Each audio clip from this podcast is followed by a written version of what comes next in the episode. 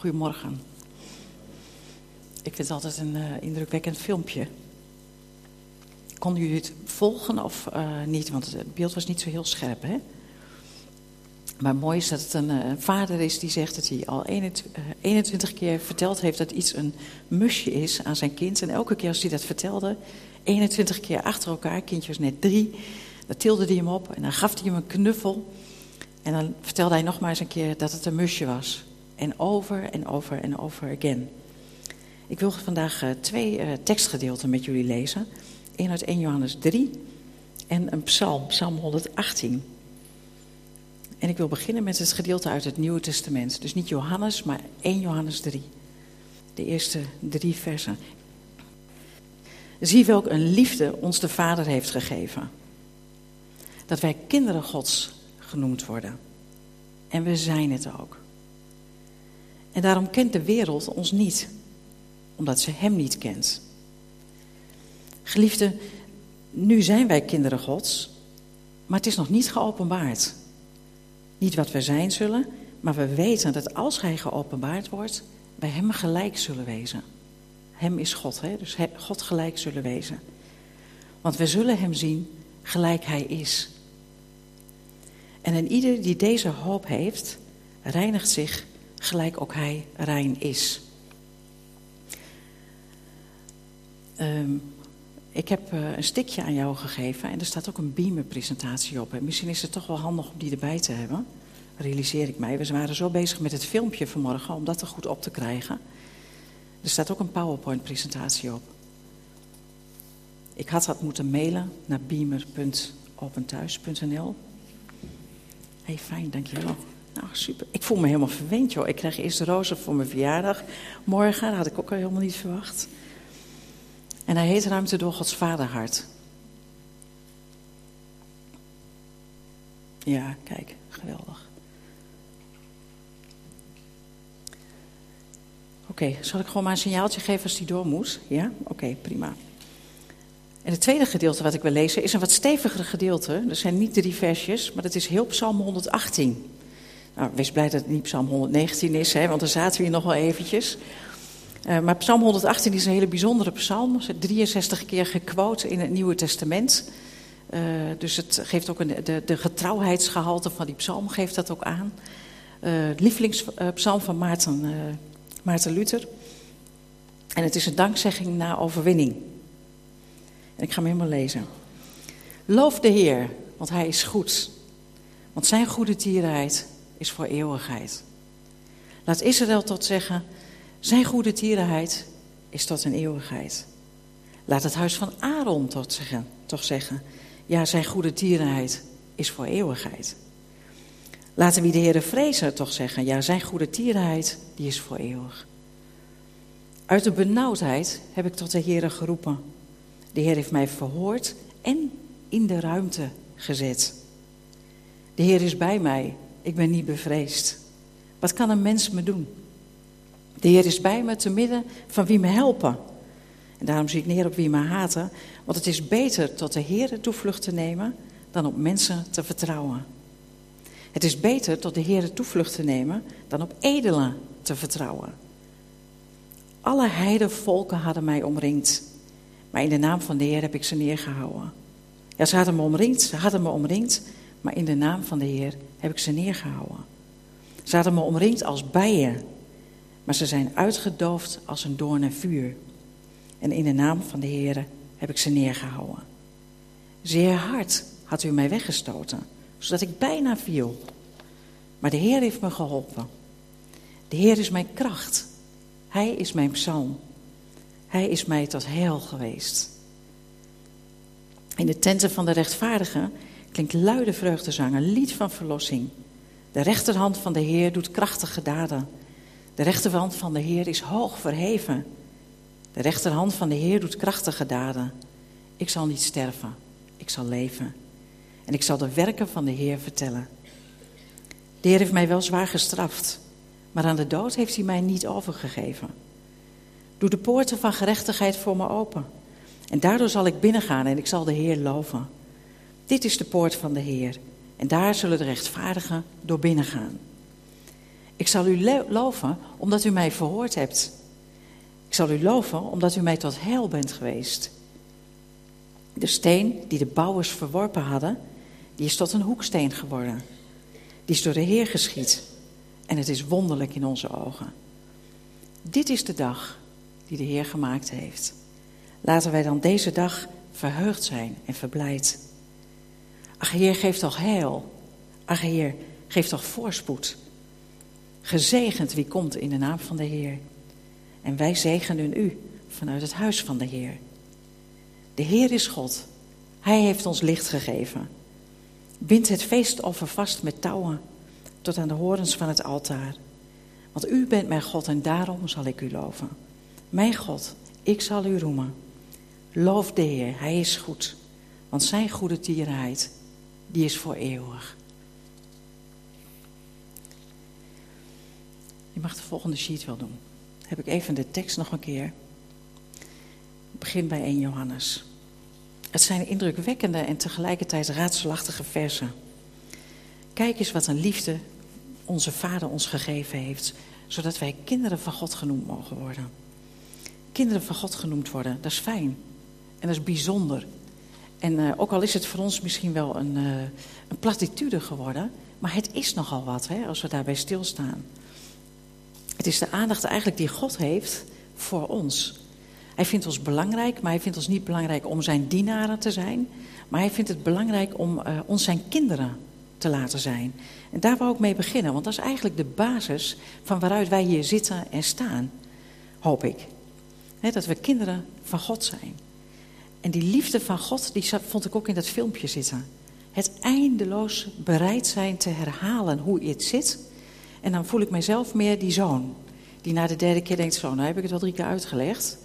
Misschien ben ik dan niet zo agressief, maar dan zeg ik wel even vriendelijk van, nou, na drie keer moet wel een keer voldoende zijn. Maar wij hebben een God die trouw is, en dat zit ook in de cadans van die psalm, voor eeuwig, voor altijd. En die trouw, die liefde van God, daar wilde ik mee beginnen. Die liefde is aan jou en aan mij gegeven. En wij mogen onszelf kinderen van God noemen. Nou, dat is nogal wat. Mag het volgende dia wel doen? Dat is eigenlijk ons uitgangspunt. Kinderen van God zijn, kinderen van de Vader zijn. En dat betekent eigenlijk een heleboel. Ken je dat? Ik weet niet of je kinderen hebt. Als je in de gezegende omstandigheden zit, dat je wel kinderen hebt, dan weet je vast nog wel de vaderdagen of moederdagen te herinneren. Uh, dat je een heleboel gerommel hoorde in het huis en je niet precies wist wat er ging gebeuren. Maar ik weet één ding wel zeker. Je lag niet in bed te denken van, oh, ik hoop maar niet dat het een grote puinhoop wordt in de keuken. Toch? Of, oh, wat zullen ze nou doen? Of, wat zal ze nou doen? Uh, oh, wat zullen ze... Nee, je was gewoon vreselijk benieuwd wat er zou komen. En op het moment dat jij je beschuitje met dropjes kreeg, dan was dat toch fantastisch. Dat is vader- en moederliefde. Dat is onvoorwaardelijk. Dat is blij en dat is dankbaar. Nou, en met die liefde zijn we begonnen. Zie je welke liefde onze vader heeft gegeven. Dat wij kinderen van God genoemd mogen worden. En wij zijn dat ook. Ik heb dat altijd een nu verzinnetje gevonden. Waarom staat het er nou achter? Wij zijn dat ook. fijn, jij bent mijn dochter en dat ben jij ook. Ja. Maar het is net alsof we dat even nodig hebben, blijkbaar. Het is ons gegeven en we zijn dat ook. Zoiets van, ik geef het aan je, pak dat dan ook. Het is voor jou. Pak dat. Je bent mijn zoon, je bent mijn dochter. Wees dat dan ook.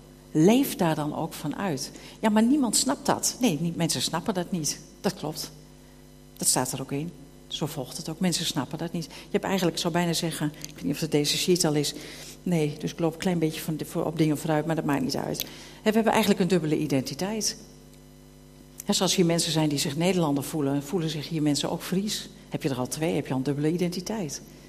Misschien heb je zelfs wel een Fries paspoortje. Ik wel. En daarnaast ben je ook nog eens christen, is, een, is ook een identiteit. Het is een zijnsding. Je bent iets. Je bent een zoon, je bent een dochter van. En dat kun je nooit weghalen. Net zoals wij nu ook zeggen bij kinderen uh, met pleegouders. Je houdt ook biologische ouders. Wij houden een geestelijke biologische vader. God, onze vader. En daar ben jij een zoon, daar ben ik een dochter van. En daar mogen we uit leven, dat mogen we ons realiseren. Maar de wereld kent ons niet, want die snapt daar niet wat van. En denkt van, joh, waar hebben jullie het over? En dan kun je het nog een beetje afdoen met een fysieke en een spirituele werkelijkheid. Maar echt begrijpen zullen ze dat niet. Het heeft dus ook geen zin om te denken, ja, maar die ander moet dat snappen. Ik moet hem dat uitleggen. Ik probeer het te verhelderen. Dat is soms al ingewikkeld bij christenen, laat staan bij niet-gelovige mensen die daar geen enkel idee van hebben waar jij het in vredesnaam over hebt. En dus zal de neiging heel makkelijk zijn, nou laat maar zitten dan. want ik leef in deze wereld en ik ga gewoon mijn dingetje doen. Dat is eigenlijk veel makkelijker. He, dan hoef ik me niet met iedereen bezig te houden, hoef ik niet met die christelijke identiteit, allemaal erg lastig. Ja, dat begrijp ik wel. Maar hier staat wel een uitdaging. Er staat een werkelijkheid en een uitdaging. Wij zullen zijn zoals Hij is. Nou, als ik nou ergens ontroerd van kan raken, dan is het dat wel. Wij zullen zijn zoals we hier zitten. Kwetsbaar, met de fouten die we gemaakt hebben, hoe we gefaald hebben in ons leven. De fouten die we misschien vandaag nog wel weer gaan maken. Maar wij zullen zijn zoals wij hier nu allemaal zitten, zoals Hij is. En dan weten we wel, is toekomstmuziek.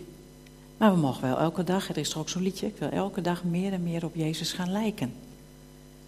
En dat is een keuze. Mijn dochter zei vanmorgen, ach mam, eigenlijk is alles een keuze, toch? Ja, dat is waar. Ook dat is een keuze. Je leeft het uit, je leeft ernaar of je leeft er niet naar. En dat mag je allemaal maar zomaar zelf bepalen, terwijl je dus dat kind van die God bent. Hè? Terwijl je die zoon, die dochter van God bent. En dan geef je eigenlijk diezelfde ruimte als die we zagen in dat filmpje. Nou, je hebt alle ruimte, je mag er alles van maken. Maar weet dit wel, hè? dat is wel wat pa zegt. Weet dit wel, lees het even en read it out loud. Hè? Lees het even hardop voor. Nou, dat geeft besef, dat geeft benul. En dan het laatste. En iedereen die dit vol vertrouwen van hem verwacht, maakt zich rein zoals ook Jezus rein is. Met andere woorden, het is niet iets, christen zijn is niet iets waarvan we kunnen denken, och, we hebben alle ruimte, hè, zo heet deze preek ook, we hebben alle ruimte. Nou, dan hoeven we ook niet al te moeilijk te doen. Hè. Dan hoeven we niet te nauw te nemen, want we hebben toch heel veel ruimte. Maar dat is eigenlijk niet waar het over gaat. Je staat heel duidelijk van, als je die hoop hebt, dan ga je ervoor. Dan wil je rein leven. En dat mag je allemaal voor jezelf invullen. Dat mogen we niet voor elkaar doen, maar dat mogen we voor onszelf invullen. Maar het is wel een keuze. Het is een keuze voor mij om te zeggen: ga ik rein leven of ga ik dat niet doen? En wil ik die hoop uitdragen of wil ik het niet uitdragen? En wil ik die ruimte van Christus, wil ik die uitdragen naar een wereld die het eigenlijk niet snapt of wil ik dat niet? Mag ik de volgende sheet? Het is echt een hele lastige uitdaging. Met andere woorden, ben je ervan bewust? Zijn wij ons ervan bewust? Hè? Dit blijft voor mij een rode draad hoor. Van het feit dat wij beelddragers zijn van God. Dat wij Gods handen en voeten zijn op aarde. Ben je dat bewust? Want, want noblesse oblige. Hè? We zijn niet alleen maar mensen, maar we zitten in een positie die enerzijds een zegen is. Tenminste, ik ga ervan uit dat als je christen bent, dat je denkt van wow, dit is toch wel top. Dit wil ik delen met andere mensen. En aan de andere kant weet je ook wel dat mensen naar je kijken en denken van... Oh, alleen het liedje wat we net zongen, hij verandert nooit. We zitten in een maatschappij waar alles zo snel verandert, excusez mo. Dat het verandert nooit, dat vinden mensen saai. Hoezo het verandert nooit? En God verandert nooit? Nou, hoe bestaat het? Er kan niet. Zijn ook heel veel theologen die het er niet mee eens zijn. Dit is heel, in deze wereld waarin alles snel is en in beweging en waarin je eigenlijk nu al bezig bent met wat je het volgende tien minuten gaat doen. Misschien denk je nu al na en maak je je zorgen over wie gebeld heeft, geappt, weet ik veel wat heeft. En dan verandert God nooit. Dat is wel heel stabiel, hè? Ja, dat is heel stabiel. Ik vind dat persoonlijk ondertussen heerlijk. Maar voor heel veel mensen is het onbegrijpelijk. Dus jullie willen een God dienen je zegt dat je een kind van een God bent die nooit verandert, terwijl alles in de wereld verandert. Nou, dat bestaat toch niet, kom op mensen. Maar het bestaat dus wel, want wij geloven dat de, de Bijbel het woord van God is, door Gods geest ingegeven. Dus dan, ja, dan gaan we ervan uit dat het waar is. En dan hebben we dus een behoorlijke uitdaging om dat uit te leven. Nou, voor het geval je denkt van ja, dat vind ik anders maar knap lastig. Want uh, ik vind het allemaal nog niet zo simpel. Uh, ja, want hoe, uh, hoe, hoe doe ik dat dan? Want ja, we zeggen wel dat de, de, de, wereld die ziet dat niet, wie de Heer Jezus precies is en wie God de Vader precies is. Maar ja, wij hebben er zelf soms ook wel wat moeite mee. Van wat moeten we nou dan in bepaalde situaties? En die kunnen soms knap lastig zijn. Dan kun je voor een enorme uitdaging gesteld voelen. Thomas, volgende sheet, had er ook al last van. Thomas die zei op een gegeven moment tegen de Heer Jezus: Heer, we weten niet waar u heen gaat. En we, hoe kunnen wij dan de weg weten? Thomas was de grote twijfelaar. Vond Jezus overigens prima. Toen uh, de Heer Jezus was opgestaan, was hij ook degene die zei: van, Nou, zolang ik niet mijn hand gestoken heb in zijn wonden, geloof ik het gewoon niet. En dus kwam de Heer Jezus hem tegemoet en zei: Hé, hey, jij wou toch even, hè, je wou toch even, nou, kom maar, kom maar. Prachtig. Maar diezelfde Thomas die zegt ook van ja, maar goed, als we toch niet weten waar u heen gaat, hoe kunnen wij die weg dan gaan? Dat is toch eigenlijk onmogelijk? Thomas gaat altijd uit van het glasje is niet half leeg, maar zo'n beetje helemaal leeg. En dan zegt de Heer Jezus, maar ik ben de weg, de waarheid en het leven. Ik, Jezus, je hebt drie jaar met me opgetrokken. Ik ben de weg, de waarheid en het leven. Niemand komt tot de Vader dan door mij. We kennen de teksten.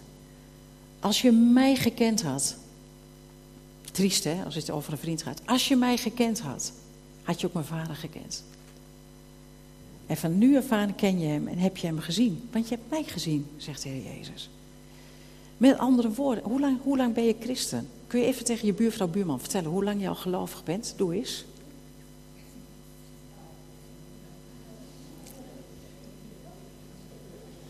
Als je het nog niet bent, uh,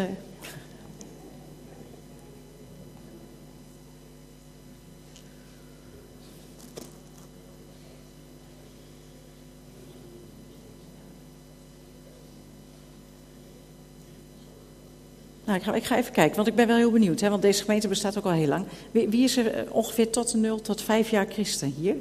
0 tot 5 jaar? Niemand. Eh, nee. Nu, wie is het ongeveer 10 jaar, tussen de 5 en 10 jaar christen hier? Eén, twee handen. Twijfel. Tussen de 10 en 15 jaar? Eén, oh, er komt wel heel wat handen. Wat mooi joh, want je lijkt me nog zo jong. Dan ben je al heel lang gelovig dan. Het is erin gekomen, maar is het ook van jou? Ja, toen wel. Dat misschien nu. Ja, ja. Oké. Mooi hè, die christelijke. Oké, oké, oké. En wie is nog langer dan 15 jaar christen? 15 tot 20 jaar? 1, 2, 3, 4, hoor, dan gaan we het hier, gaan we het handjes om. En nog langer? 20 tot 25 jaar? 30 jaar? 40, 35 jaar?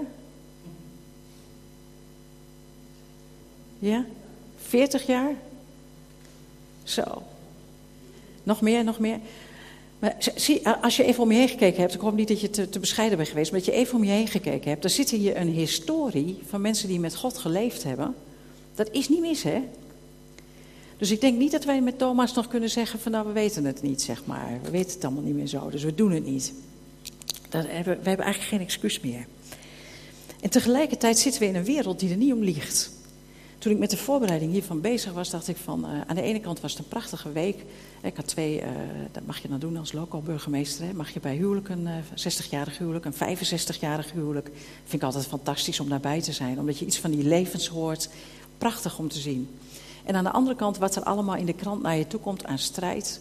Uh, en het is strijd op alle vlakken. Ik heb het toch even wat uitgelicht. Eventjes om maar even de Bijbel naast de werkelijkheid te leggen. Ik mag de volgende sheet wel uh, doen. Oh. um, nou, het is niet helemaal leesbaar, het is iets opzij geschoven, maar oké. Uh, want wij willen dit hanteren, hè, het christen zijn, het kind van God zijn, in een wereld die uh, waarin allerlei valse profeten en messiassen naar voren komen. We hebben de ene uh, sectarische club nog niet gehad, of de volgende, die komt al met grote wonderen en tekenen.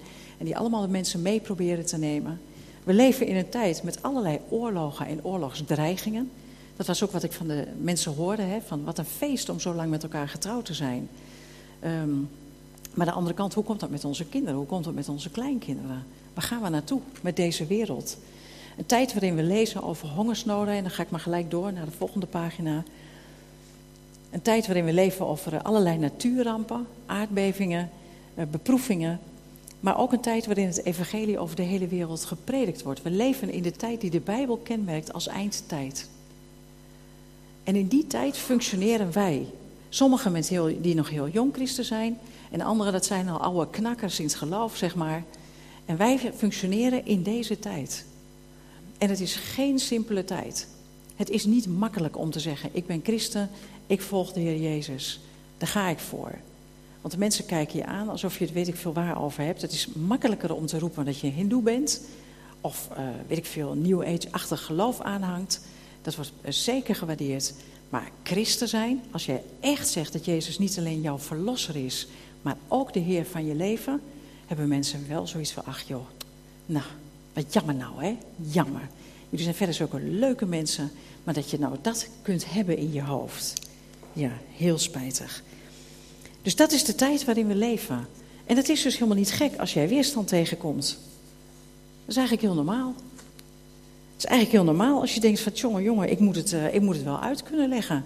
In ieder geval voor mezelf, waarom ik dit geloof. En daarom ben ik toch begonnen met die, dat gedeelte uit, uit het Nieuwe Testament. Want anders wordt het een eenzame strijd. Want dan moet je het allemaal zelf doen. En dat is het mooie van Christen zijn. Uh, je bent niet beter, maar je weet dat je de genade van Christus nodig hebt. Om te kunnen functioneren zoals Hij het van je vraagt. Bij sommige mensen zie je dat sowieso, hè? En wat is dat dan? Dat zijn mensen, daar kom je bij en dan voel je de ruimte. Dan voel je iets van de liefde van de Heere God. Dan voel je dat je er mag zijn. Uh, dan heb je gezondigd. Dan voelen ze met je mee. Ze noemen het heus nog wel zonde, daar gaat het niet om. Maar ze voelen wel met je mee. Er is geen veroordeling. En wat is dat dan? Wat maakt die mensen dan anders? Want dat zijn wel de mensen die ook in de maatschappij iets kunnen uitleven van die liefde van de Heer Jezus. En leven ze als, uh, uh, alsof ze geen christen zijn? Nee, want je weet het, dit zijn christenen. Maar het is niet helemaal te pakken wat het nou is. Maar eigenlijk is dat hetgene. Het enige, eigenlijk het enige verschil is dat ze heel dicht bij God leven. En heel dicht en elke dag opnieuw weer weten van ik kan die dag niet zonder God. En elke dag weten, ik ga gewoon fouten maken. Ik begin elke dag met de, wetenschap, ik ga vandaag niet perfect zijn. Maar in Christus mag ik wel perfect zijn. En ik mag vanuit Hem wandelen. Ja, dat vind ik genade.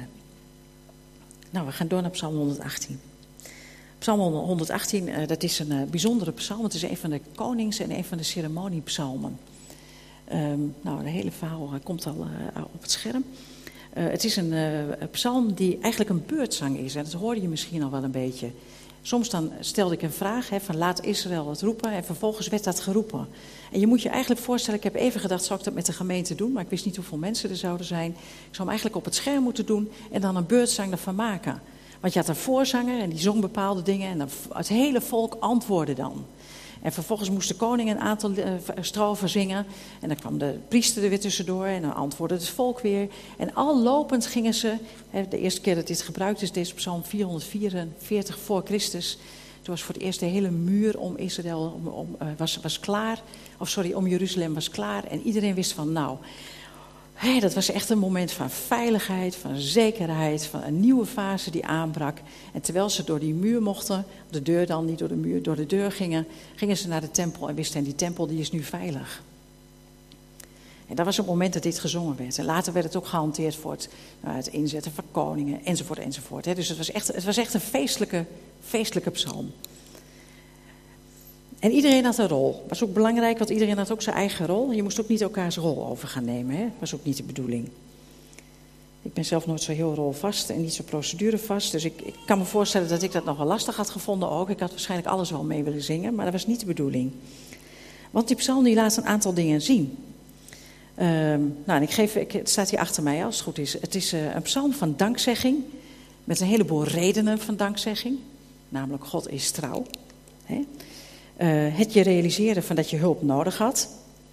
Een reflectie op die ervaring. Uh, nog eens naar de omstandigheden kijken. Van wat gebeurde daar nou eigenlijk allemaal. Het ook nog eens een keer zetten in relatie tot de Messias, hè, de hoeksteen. Nou, jullie, tekst jullie waarschijnlijk wel bekend vanuit het Nieuwe Testament. En vervolgens komt de dankzegging.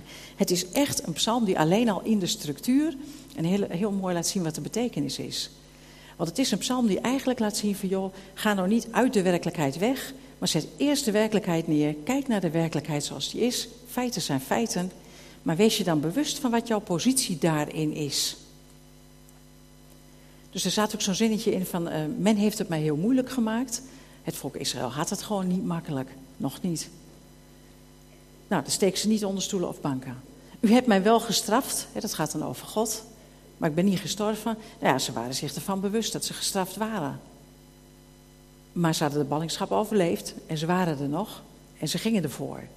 Met andere woorden, maak het niet mooier dan het is. Maak het ook niet erger dan dat het is. Maar neem het zoals het is. Maar zet het wel vanuit het goede perspectief. Nou, en dan wil ik dat ene stukje wil ik uitlichten. Want ik kan hier wel drie preken over preken, maar ga ik niet doen. Ik wil alleen even kijken naar die omstandigheden. Dat is de volgende sheet. Want jij en ik kunnen ook in omstandigheden zitten. Dat we denken van, hé, hey, dit vind ik echt lastig. En misschien ben je wel nog, nog niet eens zo ver dat je kunt zeggen dat je het lastig vindt. En zit je nog lekker in de ontkenning dat het heel normaal is allemaal. Dat kan ook nog. Maar het kunnen wel omstandigheden zijn waar we een beetje jeuk van krijgen. Waar we wakker van kunnen liggen. Waarvan we denken van ja, wat moet ik daar nou mee? Ik vind het lastig. Ik voel me net Thomas. Ik weet niet wat ik moet doen. Ik weet dat ik christen ben. Maar ik weet eigenlijk niet goed wat ik moet doen. En dan begint de psalmist eigenlijk met aangeven. Je begint bij het erkennen van wie God is. Dus daarom is die hamvraag waar ik ook wel eens over gepreekt heb bij jullie, van wie is God nou voor jullie? Wie is Jezus voor jullie? Is essentieel. Maar sta daar nou eens eerst bij stil. Dat is eigenlijk, het is eigenlijk een soort route die je zou kunnen lopen. Begin eens bij erkennen. Wat is God voor je? En als je nou in die 15, 15, 20, 25, 30 jaar helemaal niks met God hebt meegemaakt, dan vind ik dat jammer voor je. Ik zou hetzelfde hebben bij een 30-jarig huwelijk waarvan mensen zeggen: Ja, we hebben niks met elkaar meegemaakt. Dan denk ik: Nou, weet niet, weet niet. Dus het voelt niet helemaal goed. Maar als je al een hele tijd christen bent, dan mag je ervan uitgaan dat je ook je belevenissen met God hebt gehad, toch? Of niet? Ik zie gelukkig in iemand knikken. Goed. Erkennen van de naam van de Heer gaat door in het adresseren van God. Ik viel bijna, maar u hielp mij. Hoe vaak heb je gebeden voor dingen en echt gevraagd: Heer, wilt u me hier uithalen? Wilt u dit voorkomen? Wilt u, wilt u me wijsheid geven om ermee om te gaan? En dan ging het in één keer, was het voorbij, was het over. En dan een week later vraagt iemand aan je: van, Hoe is het nou verder afgelopen dan? Denk je: Oh ja, by the way, ja. En je hebt ook nooit meer eraan gedacht om nog even naar God toe te gaan en te zeggen: Heer, dank u wel. Wat een geweldige verhoring. Dat heet adresseren. Even terugbrengen naar God. Van hé, hey, wat geweldig. U hebt mij daar uitgeholpen. Wat geweldig. Dit was een tijd van jaren woestijn. Maar u was er wel. Wat geweldig. Ik krijg zomaar bloemetjes voor mijn verjaardag nog. Wat geweldig. Weet je, gewoon het adresseren aan God waar je blij mee bent. Waar je dankbaar bent. Waarom? Omdat je dan ook ziet, ik, ik raad het ook huwelijken, hè, mensen aan in een huwelijk. Adresseer nou waar je blij mee bent met je partner. Want als je alleen maar noemt waar je niet blij mee bent, krijg je hele vervelende huwelijken van. Is ook helemaal niet leuk. Ik vind het ook niet leuk om alleen maar te horen wat niet goed aan mij is. Dat is niet het geval hoor, voor alle duidelijkheid. Maar wij, wij, wij doen dat bij God wel, hè? We vinden het volkomen legitiem om een gebed van 25 regels te bidden, waarin we 25 vragen aan hem stellen, maar niks noemen waar we blij mee zijn. Man, wat mag jij blij zijn met de christelijke opvoeding? En dat het dan zomaar, en dat, en dat het dan landt ergens, en dat je dat nu misschien wel heel lastig kan vinden, ja, dat is een dingetje. Maar goed, God is er nog steeds. Adresseren, God, ik viel bijna, misschien zelfs wel, ik viel. David viel gewoon, hè, die maakte nogal een foutje links en rechts. Maar u hielp mij. U hielp mij. En dan vervolgens de erkenning, ja, u hielp mij. Het is ook niet eenmalig dingetje. Oh ja, en u hebt me geholpen. Mooi. Nee, het is een herhaling. Hè? Ik kan me voorstellen dat mensen net hebben gedacht van... oh, ze, leest per dat versje drie keer of zo. Nee, het was ook geen pinkstertik die ik even kreeg. Het staat er gewoon in de herhaling in. Waarom? Om dat nog eens te erkennen van ja, u hielp mij. En u gaf me ruimte. En dan die verzekering en ik zal leven. Joh, kijk naar jezelf, kijk naar je leven. Leef je nog? Had ik, zo had ik de preek ook kunnen noemen. Leef je nog? Leef je het nog uit? Is het nog van jou? Is het nog dat je weet, oh ja, ik ben een kind van God en dat ben ik ook? En dat betekent dus wat? En ik wil dus rein zijn en ik wil dus mijn keuzes maken. Precies. Goed, gaan we verder.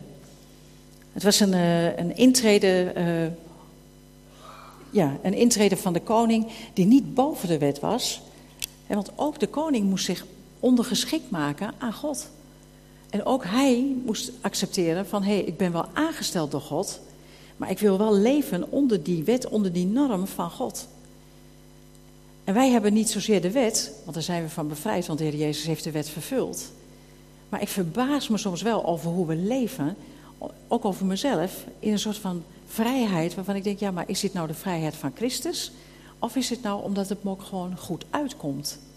En dat is wel, dat moeten we, daar moeten we voor onszelf scherp op blijven. Nou, de koning die mocht best die rol spelen, die mocht die liederen zingen, maar die moest daarna toestemming vragen aan de priester. Nu wil ik graag met mijn volk door die deur. En nu wil ik graag met mijn volk de tempel, die tempelhof in. En dan zei, de dan zei de priester dat het mocht. Die gaf de toestemming. Die gaf de toestemming. Benauwdheid. Wat doe jij als je je benauwd voelt? Wat doe je dan? Oh, dat is niet veel. Wat doen jullie dan? Misschien voelen jullie nooit benauwd, dat kan ook nog. Heel diep zuchten, ja, oké, heel diep zuchten. Dan krijg je letterlijk lucht. Ja, nee, nee, maar ik, ik, ik herken het wel, ja. Nog meer dingen die we doen als we ons benauwd voelen?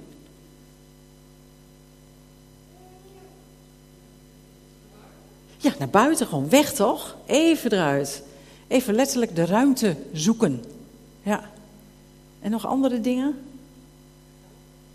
Hulp zoeken. Hulp zoeken. Sommige mensen starten gewoon in, hè? kan ook. Dat is ook een keuze. Uh, maar hier staat heel duidelijk, joh, als je je benauwd voelt en je weet je in de benauwdheid, roep naar God. Roep het uit. Betrek God erbij. In een van de lastigste situaties die ik in mijn leven tegen ben gekomen, realiseerde ik me op een gegeven moment, ik ben nou met iedereen in gesprek geweest, geloof ik. Maar ik heb er nog steeds niet voor gebeden. Dat is ook maf. Nou ja, op de knietjes dan maar weer. Maar het is wel goed om je dat te realiseren. Nou, dit is eigenlijk de volgorde die hier staat. Als je in de benauwdheid bent, roep het uit tot God. Uh, want wie is je nabij tenslotte? Maar gelijk door naar de volgende. Want wie is je nabij? Het volk Israël wist als geen ander van nou, je kunt op iedereen uh, je vertrouwen stellen. En dat hebben ze ook gedaan. Ze hebben geprobeerd te vertrouwen op sterke volken, op sterke uh, andere leiders, koningen. Ehm, maar het heeft allemaal niks geholpen.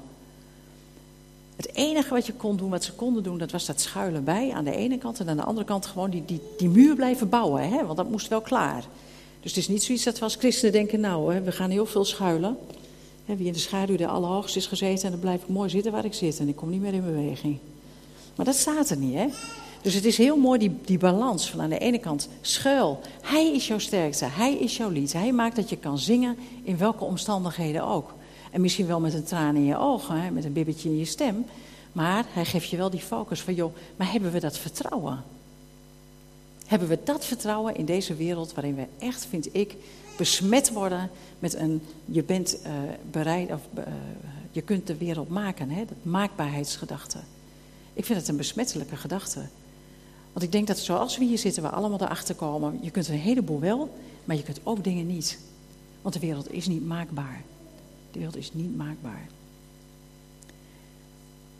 Nou, dat is reden genoeg om te sterven, zou je bijna zeggen. Maar hier wordt gezegd, we gaan niet sterven, maar we gaan leven. En we gaan leven, en dan trek ik hem toch weer in het perspectief van het Nieuwe Testament. Leven tot een eeuwigheid, zoals we dat net ook gezongen hebben. Want dit is de dag die de Heer gemaakt heeft. En dat is het perspectief wat God voor ons, uh, wat God voor ons houdt. Um, het volk heeft het moeilijk gehad. Het volk heeft geen simpel leven geleid en leeft dat nog niet. Ik las net nog een uh, artikel vanmorgen vroeg over dat uh, nog meer Joden terug naar Israël aan het gaan zijn. Ik denk, waar willen jullie ze allemaal laten? Uh, het wordt daar een steeds groter kruidvat in mijn beleving. Maar het gaat wel door. Het gaat door wat in de Bijbel staat. De rampen gaan door, de spanningen gaan door, de moeiten gaan door. En dwars daardoorheen mogen wij weten dat we verbonden zijn met die Almachtige. En niet alleen maar als zijn dienaren of slaven, maar als zijn zonen en als zijn dochters. En het geeft een ander perspectief. Dat geeft ruimte. En dat geeft ook ruimte waarom? Mag ik naar de volgende? Dat geeft ruimte om je te verheugen. En om te loven. Want zijn goede tierenheid, zijn betrokkenheid bij jouw leven, is tot een eeuwigheid en houdt nooit op. En dan kun je misschien denken van, ach, dat kan ze makkelijk zeggen. Van een afstandje is het, uh, lijkt het allemaal heel eenvoudig om dat te zeggen. Maar dat is het natuurlijk niet. Maar het is wel een keuze om daarin te gaan staan. Het is een keuze om te zeggen van, hé, maar zo wil ik in de wereld staan. Vanuit deze positie. Dat wij zonen en dochters van God zijn. En we zijn dat ook. En vanuit die positie willen we kiezen van, hé, hey, niet alleen maar de verlosser die zorgt dat wij later naar de hemel gaan. Wat heel eenvoudig is eigenlijk. Maar dat we ook zeggen, ja, en we willen ook Hem als Heer over ons leven hebben. Hij mag het gaan bepalen. Dat is wel even een ander paar mouwen. Waarom? Omdat we geloven en vertrouwen wat we net gelezen hebben. Dat Hij goede tieren is tot in eeuwigheid. Een richtsnoer, een richtsnoer voor ons om bij Hem te schuilen aan de ene kant en aan de andere kant in je positie te gaan staan die je hebt. En dan heb jij een verhaal, dat kan niet anders. Dan heb je een getuigenis, dat kan niet anders. Want dat betekent dat je vanuit een ander perspectief gaat kijken. En dat is voor mensen om je heen misschien best lastig. Maar je weet wel waarom je doet wat je doet. En is dat simpel uit te leggen? Nee, dat is niet altijd even simpel uit te leggen. En soms hoeft dat ook niet. En soms moet het wel. En moet je, moet je voor het hekje, moet je het wel uitleggen. En ook dat is dan weer een keuze. Een vriend van mij beschreef dat heel mooi in een gedicht. Hij die alles is, hij die alles is en toch nog meer. Die eerder was dan wat wij denken kunnen. Die door het klappen van zijn hand het al geschapen heeft. Hij die er altijd is. Ze hebben hem geadopteerd en in een krib gelegd. Zijn kruis is tot een zwaard gemaakt. Om hun gelijk te halen. En nou die niet meer nodig is, is hij maar doodverklaard. En hij? Hij ziet het alles aan. En weet Voor mij is uh, de preek van vanmorgen een uitdaging. Ik daag jullie uit, maar je weet dat ik mezelf daar dan ook mee uitdaag. Uh, want we kunnen namelijk ons leven blijven leven. In de benauwdheid onze eigen strijd strijden. Uh, in ruzies proberen op onze eigen manier vrede te vinden. Als we ziek zijn, alles doen om weer beter te worden. als we in het nauw komen in ons werk, alles doen om dat weer goed te krijgen. Dat kan allemaal. Maar je kunt ook zeggen, nou, weet je, ik ben een kind van die vader. En dat weet ik, dat ben ik ook. En ik ga in de rust wandelen. Wat Hij voor mij heeft voorbereid. En wat dat is, hoe moeizaam en moeilijk ook, ga ik accepteren als uit zijn hand in de zin van dat Hij met mij mee daar dwars doorheen gaat. Nou, dat vind ik een uitdaging. Dat is niet simpel. Maar dan krijgen we wel ruimte. Want dan krijgen we namelijk de ruimte die we niet hebben wanneer we het allemaal zelf willen doen. Want dan kun je wel gek worden. Dan krijgen we de ruimte in ons hoofd, geestelijk in ons hoofd ook, om open te staan voor zijn geest, om ons daarin te leiden. Het eind van het lied, of van het liedje, de psalm, is een dankoffer. Ik zag een aantal mensen met, eh, met gesloten ogen eh, luisteren. Dat vastbinden ging niet over ons vastbinden. Dat vastbinden ging over het vastbinden van het offer. En het offer werd dan vastgebonden aan het altaar. Daar stonden, er waren bepaalde hoornen, die waren daar aan vastgemaakt. En daar werd dat offer aan vastgebonden.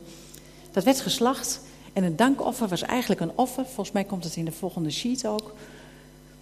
He, het was een beweegoffer, een dankoffer. En die dankoffers die moest, je samen op, die moest je samen opeten. Sommige offers, dan was je het kwijt, zeg maar. Maar er waren ook offers, die at je samen op. Daar genoot je samen van. En dat gebeurde aan het eind van deze psalm. Dus ze gingen met z'n allen uiteindelijk die tempel in. En daarna hadden ze hun offers en hadden ze een gezamenlijke maaltijd. Die had je met je familie, je zonen, je dochters. En ik vond het zo'n mooie stap naar het avondmaal wat wij hebben uh, vanmorgen. Want dat is eigenlijk ook waar God ons voor uitnodigt. Die wil dat dank over wat wij hem willen geven. Uh, die maaltijd die we graag met hem willen houden. Die wil hij met ons houden. Hij nodigt jou, hij nodigt mij uit. En hij is degene die zegt: Ik geef mijn zoon, ik geef alles wat ik heb, ik geef mijn zoons leven.